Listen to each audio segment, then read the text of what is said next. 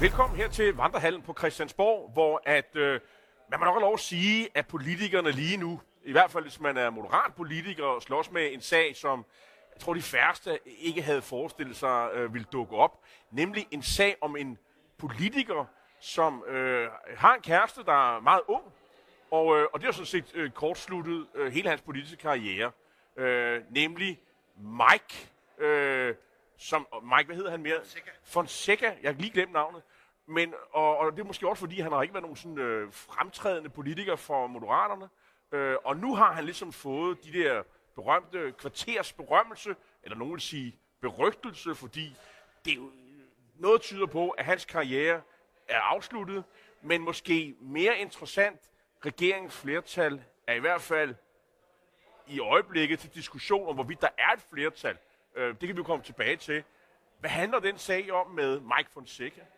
Jamen, det er jo tredje gang, at der er et medlem af Folketinget for Moderaterne, som træder ud af Folketingsgruppen.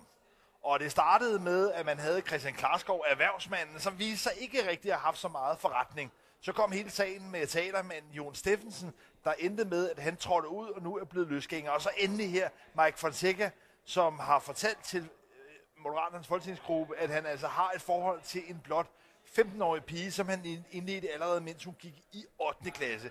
Det fik Lars Lykke til ret prompte at meddele Mike Fonseca, at han ikke længere var velkommen i Moderaterne, og dermed trådte han ud. Men der er det jo altså mekanismen her, at man er som folketingsmedlem medlem af Folketinget, ikke er et parti, og det gør, at de her forskellige personer, ja, de kan altså blive den første, Christian Klarskov, han valgte at træde ud, så var det supplanten, der kom ind. Jon Steffensen, ja, han er blevet løsgænger, og Mike Fonseca, ja, han har også lagt op til, at han i virkeligheden vil fortsætte sit politiske liv. Og det gør at vi af den mærkelige situation, at partiet Moderaterne, hvor Lars Lykke, formand, altså kan man sige, førte en kampagne. Hele ideen med Moderaterne var i virkeligheden at skabe stabilitet. Der er vi nu endelig i det paradoks, at partiet, der ønsker stabilitet, ja, det er i virkeligheden måske den største kaosfaktor i dansk politik lige nu. Der er jo mange, der har øh, øh, øh ringet til dig her de seneste par dage og sagt, var der ikke noget med, Lars, at du sagde, at Moderaternes folketingsgruppe, det var en klovnebus, det er et citat, og øh, så kan man jo bare konstatere, at klovnebussen kører igen. Øh, det er vel det, vi er. Øh, og det, her er jo, der er de her tre folketingsmedlemmer, du, du nævner. Der er jo også været andre sager. Øh, Jeppe Sø, deres øh, er det gruppeformand, han er, han er i hvert fald præsidiet. Og, øh, og så er der også øh, en, en af deres øh, retsordfører, Godfredsen, Nana Godfredsen, som også har haft sager. Og der er også en, øh, en, en jurist, som sidder i folketingsgruppen, en advokat, som også... Øh, han har også haft en masse sager. Altså som... lad mig lige minde om, at de to, altså kan man sige, mest magtfulde positioner i Moderaterne, det er, hvis vi starter nedefra, det er Jakob Engel Schmidt, som i dag er kulturminister, men han sad altså i Folketinget og var medlem af Venstre, da han blev taget i kokainkørsel. Og så har vi så allerøverst Lars Lykke, som middeltalt også har sine skandaler i bagagen. Så på den måde er det jo altså et parti, som efterhånden består af folk med lidt, øh, lidt flossede omdømmer. Men det er jo vil sige, farverigt og kulørt og, og, og folkeligt og fornøjeligt, vil, vil nogen sige. Andre vil også sige, at det er lidt pinligt. Men det, der jo ligesom interesserer øh, os og journalister herinde på Christiansborg, og måske også befolkningen, det er, er regeringens flertal, som jo er meget, meget, meget, meget snæv, er det nu i fare? Fordi øh, en ting er, at, Mike Fonseca har alle mulige forestillinger om, at han kan fortsætte sin karriere i politik. Det kan jeg sige, det kommer han ikke til, fordi han, havde, han forestillede sig, at han kunne sådan, melde sig ind hos Socialdemokraterne og LA og sådan noget. Og der er totalt lukket, og om, om det kan være, at han kommer til Alternativet og alle mulige andre steder, der, det, det kan han bare glemme alt om. Hans karriere er slut, og hvis han havde en lille smule ære i behold, så nedlagde han sit mandat. Det kommer ikke til at ske. Men vi har jo været vant til, at man skal tælle til 90 for at have et flertal. I øjeblikket er det ligesom, at man siger, at det er 88. Fordi de nordatlantiske mandater, og de holder sig udenfor. Dem tæller man ikke rigtig med i det her spil. Så nu er man nede på 87. Nej, men... nej, nej, men nej, pointen er jo, at man så skal kunne tælle til 88 ja. for at få det til at tælle. Men regeringen er nu, hvis vi tager Socialdemokratiet, Venstre og Moderaterne og lægger deres mandater sammen, så er de nu kun op på 87. Det vil sige altså et mandat mindre, end selv når man fraregner det nordatlantiske. Når det ikke er et problem, når dramaet i første omgang kan, kan, kan, kan afskrives, så er det fordi, at regeringen har indgået en aftale med Jon Steffensen, altså den tidligere afhopper for Moderaterne, som nu er løsgænger, Han har lavet en aftale, en håndfæstning, om man vil, med regeringspartierne om at være med i deres clearingsaftaler herinde på Christiansborg. Det betyder helt praktisk, at når der skal stemmes nede i salen her, øh, nede for enden af gangen, ja, så regnes han med til de tre partiers øh, regeringsblok. Og det, den aftale har han indgået allerede for flere måneder siden, før alt det her øh, skete. Og der er der pludselig en klokke, der har ringet hos mig. For kan du huske her for en øh, uges tid siden, eller, eller et par uger siden, der var der en, en historie om, at øh, Moderaternes Europaparlaments øh, ansatte nede i Bruxelles, de havde holdt fest i september, hvor de havde taget øh, Jon Steffensens lumbre sms-beskeder og brugt som sådan noget vægpynt. Det skulle være festligt og fornøjeligt og hyggeligt. Og det blev der slået meget kraftigt og hårdt ned på øh, fra de moderaternes sekretariat. Det kan jeg godt forstå, fordi man skal da ikke genere en mand, der sådan set øh, støtter regeringen. Øh, så nu pludselig giver det jo meget mening. Og det er også det, der er forklaringen på, at Lars Løkke i tirsdags ligesom kunne reagere så kontant og prompte, og synes jeg med oprigtig indignation, fordi han vidste, at det ikke var regeringens flertal, han dermed bragte i fare. Altså ved at skubbe Mike Fonseca ud, ja, så vidste han, at regeringens flertal var intakt. Så vi ved altså nu, at der er lavet den her aftale med Jon Steffensen. Vi ved, hvad han har givet i for, til regeringen. Det er en garanti for, at de kan regne med hans stemme, også nok så afgørende i hele det her kontroversielle spørgsmål om en undersøgelse af FE, der har han givet rygdækning til regeringen. Hvad der er givet den anden vej, altså hvad der eventuelt er lavet af studehandler, ja, det er ikke kendt endnu, men politik ofte fungerer sådan, at man på en eller anden måde giver og tager. Så det kan være, at vi på en eller anden måde øh, kommer til at se det senere. Men i hvert fald er det en ret afgørende håndfæstning, der er lavet med Jonas Steffensen og regeringen. Det er i hvert fald det, der sikrer, at man netop kan skille sig af. Og det er også det, der betyder, at selvom at de tre partier teknisk set er nede på 87 mandater nu, så er det sådan set 87 plus 1, altså 88, og de er ikke i fare. Men øh, spørgsmålet er, hvor, hvor mange gange man kan, man kan køre det her spil igen. Øh, skal man så også udlave aftaler med Fonseca eller, eller andre ting, når tingene er, er faldet lidt ned? Kan der vise sig mere? Er der, er der flere, der var oppe og køre klovnebussen øh, for ligesom at bruge de gamle udtryk i Moderaterne? Det, det, det ved vi jo ikke. Men det er jo, det er jo pinligt, at, øh, at, at, at, at man ikke har mere styr på de her medlemmer. Moderaterne siger jo selv, at øh, dengang man lavede et tjek på Mike Fonseca, jamen der havde han en, som de, som de siger, en voksen kæreste, og det må man jo tro på. Øh, og, og, og, og så er det jo også, at det virker lidt som om, de er gået lidt i panik. Fordi her i dag, der kan man jo læse historier om, at, at, at de diskuterer øh, internt hos Moderaterne om, hvorvidt at han har begået det, der hedder grooming og det må du forklare, hvad, hvad det er for noget, eller ej, hvilket jo er en, øh, en, en, en, altså, det er jo en forbrydelse, det er jo en relativt ny forbrydelse, øhm, men sådan nogle diskussioner har man med sig selv, i stedet for måske at lige øh, øh, slappe af og lade være med at tale den mere op, end den er. Og det tyder jo bare, understreger jo bare, at, at øh, vi har at gøre med, med nogen, der er amatører i, i politik. Men altså, det der er den ret hårde anklage fra den politiske ordfører i Moderaterne, Monika Rubin, det er, at han netop, Maja Fonseca, har begået grooming. Det betyder helt konkret, at man har lokket og luret den unge pige fra før hun var, altså dengang hun var under den seksuelle lavalder. Og det er der noget, der tyder på i forklaringerne, at han i hvert fald har kendt faren, som han har kendt gennem deres fælles interesse for motorcykler. Der har han kendt den her pige i ganske mange år. Og det, der er altså anklagen fra den politiske ordfører i Moderaterne, Monika Rubin, det er, at det er noget, han på en eller anden måde har lokket og luret med i længere tid. Det er nu blevet til en politisk diskussion i partiet, og det synes jeg, det er enig med dig i, det er i sig selv et faresignal. Men det, jeg tror, man skal prøve at forstå her med det, det opbrud, vi ser, alle de løsgængere. Altså nu er der i alt fire løsgængere. Udover, Eller, kun et år efter, vi har folketingsvalg. Ja, det er altså Mike Fonseca og Jon Steffensen, begge to fra øh, Moderaterne. Så er det også Therese Skavenius fra Alternativet, og inden er det Lars Bøge Mathisen fra Nye Borgerlige. Men vi ser jo lidt det mønster fra sidste folketingsperiode gentage sig nu. Sidste gang, ja, der var der en, en, en Danmarks rekord i antallet af løsgængere og overløbere. Vi ser allerede nu, der er fire. Og jeg tror, hvad, det der... hvad kan det ikke blive til, jo, men, vi er færdige, Lars? Men det vil sige, det der er jo er en stor forskel fra sidste regeringsperiode til nu, det er, at det er et regeringsparti, vi taler om, altså Moderaterne. Ja, hvor det, det, vi har set tidligere med de her nystartede partier, for der har også været afskalning tilbage i Dansk Folkepartis spæde år, i uh, Alternativet, i Nye Borgerlige, altså stort set alle nye partier, som jo lidt, kan man sige, trækker lykkerider ind, nogle chancerytter. Der har der været en afskalning, men det afgørende her, det er, at Moderaterne kom i regering med det samme, og dermed og samtidig en flertalsregering, hvor man altså er ude på det yderste, hvor man er nede nu og kører på fælgene i forhold til mandater. Så det er jo den skrøbelighed. Jeg vil ikke sige, at Moderaterne egentlig skiller sig så meget ud i forhold til, hvad vi har set af ballade i Nye Borgerlige og Alternativet. Men den afgørende forskel er altså, at de er med i regering, de er med i en flertalsregering, som nu er helt nede på det yderste. Om ikke så lang tid, så skal man jo øh, stemme for regeringens øh, undersøgelse i forhold til FE-sagen, og der har øh, et mindretal her i, Fol- i Folketinget, faktisk et ret stort mindretal, de vil jo faktisk gerne have en alternativ undersøgelse. Og der kunne man måske spekulere lidt i, hvor stod øh, Jon Steffensen i den sag. Men der har han altså meddelt, at han stemmer med regeringen, og i øvrigt er flertallet af de radikale vil også stemme regeringen den sag. Så det får ikke nogen betydning lige her nu i hvert fald. Men lad os nu se, hvad, hvad det ender med. Vi kan jo gå til øh, noget andet, der har optaget sindene, øh, i hvert fald her i weekenden. Øh, Venstres landsmøde. Øh, øh, Venstre fik en ny formand, øh, Troels Lund Poulsen. Han holdt en, synes jeg, øh, der er stor enighed om, en historisk øh, kedelig tale, øh, hvor hans øh, datter øh, også fik en, øh, en placering. Det er der også ret øh, øh, store, i hvert fald delte mening om, hvorvidt man kan det som politiker. Øhm, men i hvert fald var der opbakning på, på landsmødet. Det jeg tager, tager ned af det her, det er, at øh, Troels Lund jo ikke adresserede nogle af de store diskussioner, øh, der er i øjeblikket, og som har splittet Venstre.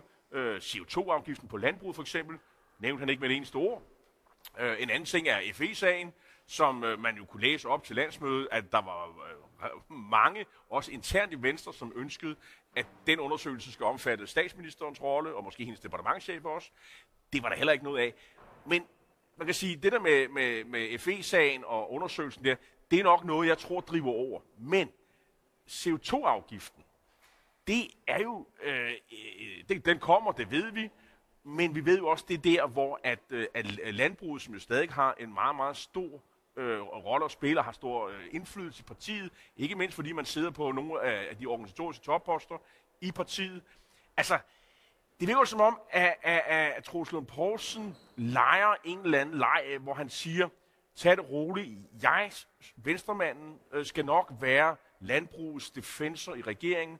Vi kæmper benhårdt for landbrugets interesser, for at den CO2-afgift bliver så jeg, lille som overhovedet ja, muligt, og så bliver jo overkompenseret. Men shh, vi skal nok lade være med at sige det til alle de andre vælgere, som måske vil være interesseret i, at den CO2-afgift skulle være noget højere, eller, eller at landbruget ja. skal have den store indflydelse.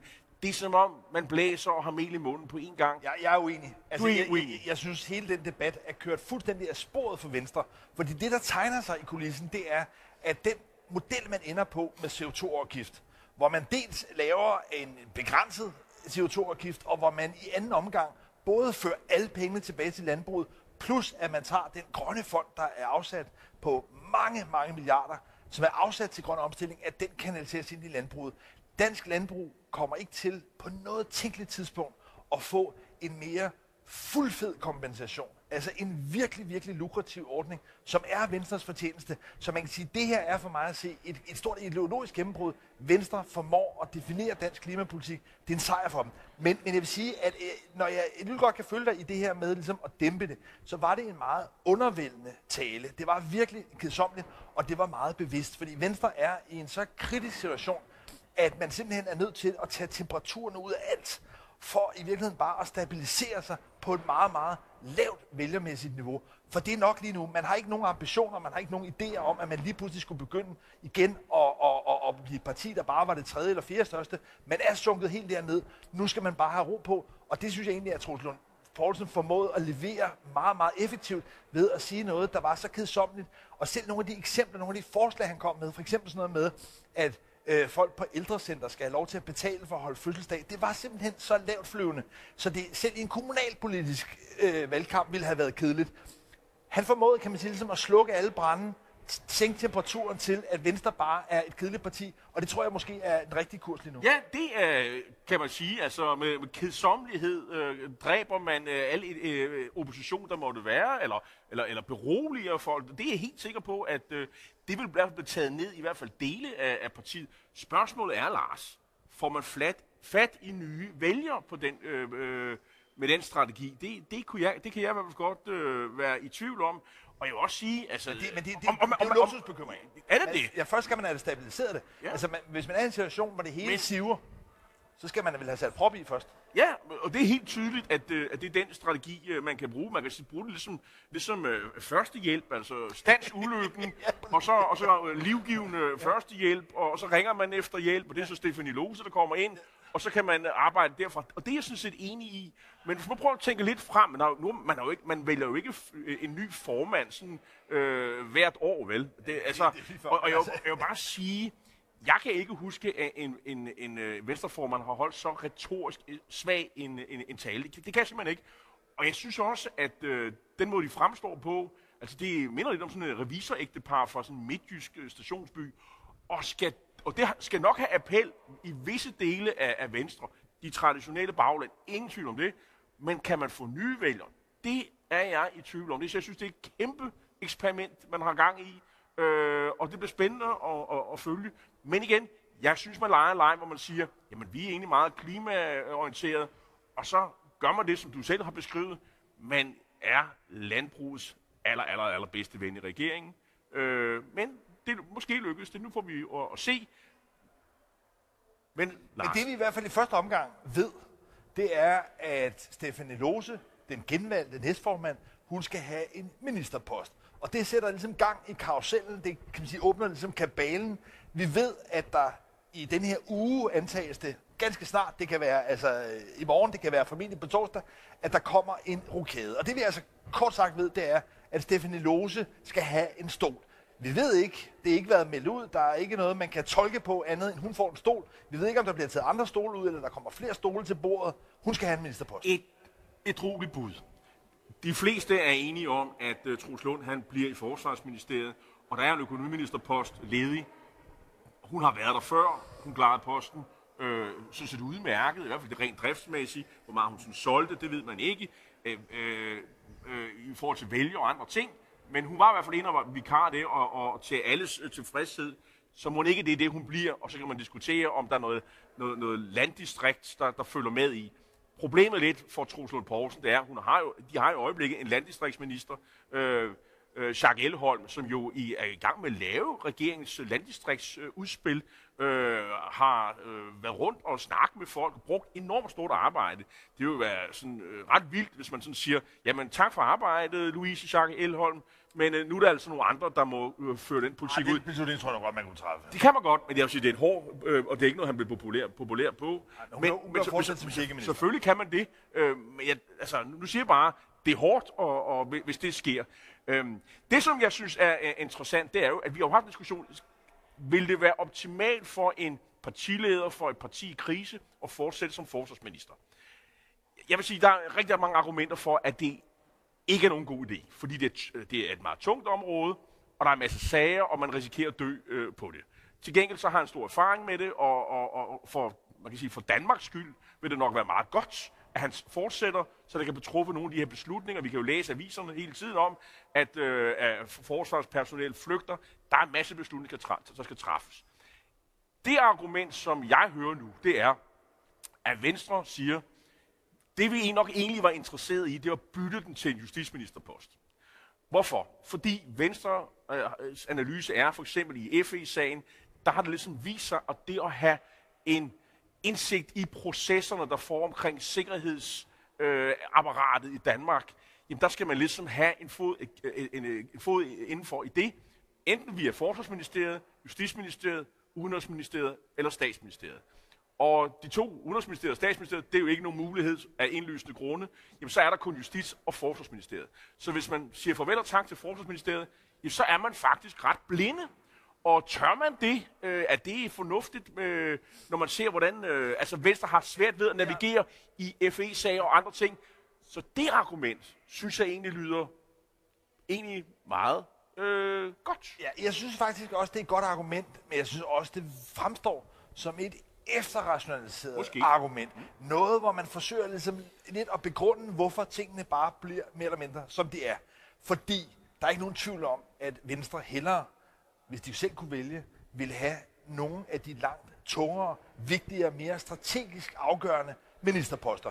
Hvis det ender med, at Truls Lund Poulsen fortsætter som forsvarsminister, så det første, man kan konkludere, det er, at man ikke har evnet at ændre på den magtbalance, at man altså ikke har fået den større tyngde, som der er nogen i Venstres bagland. Og det andet, det andet afgørende er altså, at den position ude på sidelinjen i langt de fleste spørgsmål. Jeg er med på, at der skal afsættes et historisk stort beløb til en forsvarsoprustning, men der er altså virkelig mange politiske spørgsmål i det her samfund, som ikke handler om havbitser og om øh, altså udbygning af kanonbåde og hvad ved jeg, men som er andre politiske spørgsmål. Og hvis Troelsund Poulsen, som ganske vist stadigvæk vil sidde med i koordinationsudvalget, og formentlig også øudvalget, altså de to centrale, men han vil ligesom, kan man sige, placere sig på sidelinjen i alle de afgørende spørgsmål. Det vil være et udtryk for svaghed. Jeg er med på, at det kan godt være, at det er det forhåndværende sømt princip. Det ender med, at man må nøjes med det, man har, og så kan man ligesom gøre en dyd ud af det. Men jeg har svært ved at se det som en styrke for Venstre, hvis det ender med den konstruktion, der i virkeligheden var, mens Jacob Ellemann var på syrelov. En anden øh, observation, det, det som, som Troels Lund og, og Stefanie Lose jo også, øh, eller dem, der er omkring den, øh, ligesom øh, bemærker, det er jo, at øh, dengang de ligesom kørte det, i, da øh, Jacob Ellemann var syg, jamen, der kunne man ligesom ikke rigtig udfolde lederskabet. Man var lidt bundet af hans beslutninger, og man kunne ikke træffe beslutninger. Så der er en forventning om, at det her makkerpar, øh, øh, de kommer til at køre tingene øh, meget mere, øh, eller meget, noget bedre, end de gjorde i, øh, i foråret, hvor der jo ikke var noget i, sådan, i meningsmålinger, der tyder på, at, at, at Venstre fik et, et løft. Så, så man, man, man har en forventning om, at nu bliver der virkelig øh, taklet igennem, nu bliver der virkelig truffet beslutninger.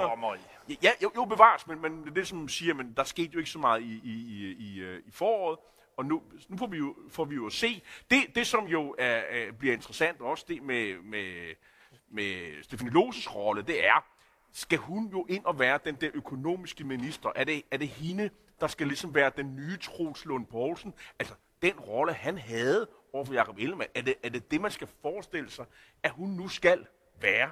Og det vil sige, have indsigt i alle de der økonomiske processer og, og være med i det daglige. Det vil jeg næsten tro, fordi han har jo ikke, han har ikke tid til begge ting. Jeg vil tillade mig at konkludere, at Venstre står stadigvæk utrolig svagt. Vi vil i forbindelse med den her ministerrokade få afsløret, om Venstre i virkeligheden ender med at stå yderligere svækket. Jeg synes i hvert fald, det er svært at se nogle tegn på, at Venstre får en afgørende indflydelse. Men jeg synes, vi, vi, vi, vi skal rundt. Lige en pointe her, og det er jo bare, at øh, vi må også øh, give Venstre så meget, at øh, der har jo ikke været interesse for Socialdemokratiet og for regeringschefen i at lukke hele den øh, øh, øh, som siger, ministerkabale op, og det hænger vel også sammen med, at det er uafklaret om, hvorvidt øh, øh, Vestager skal være, øh, have det der job øh, i, i det europæiske investeringsbank eller ej.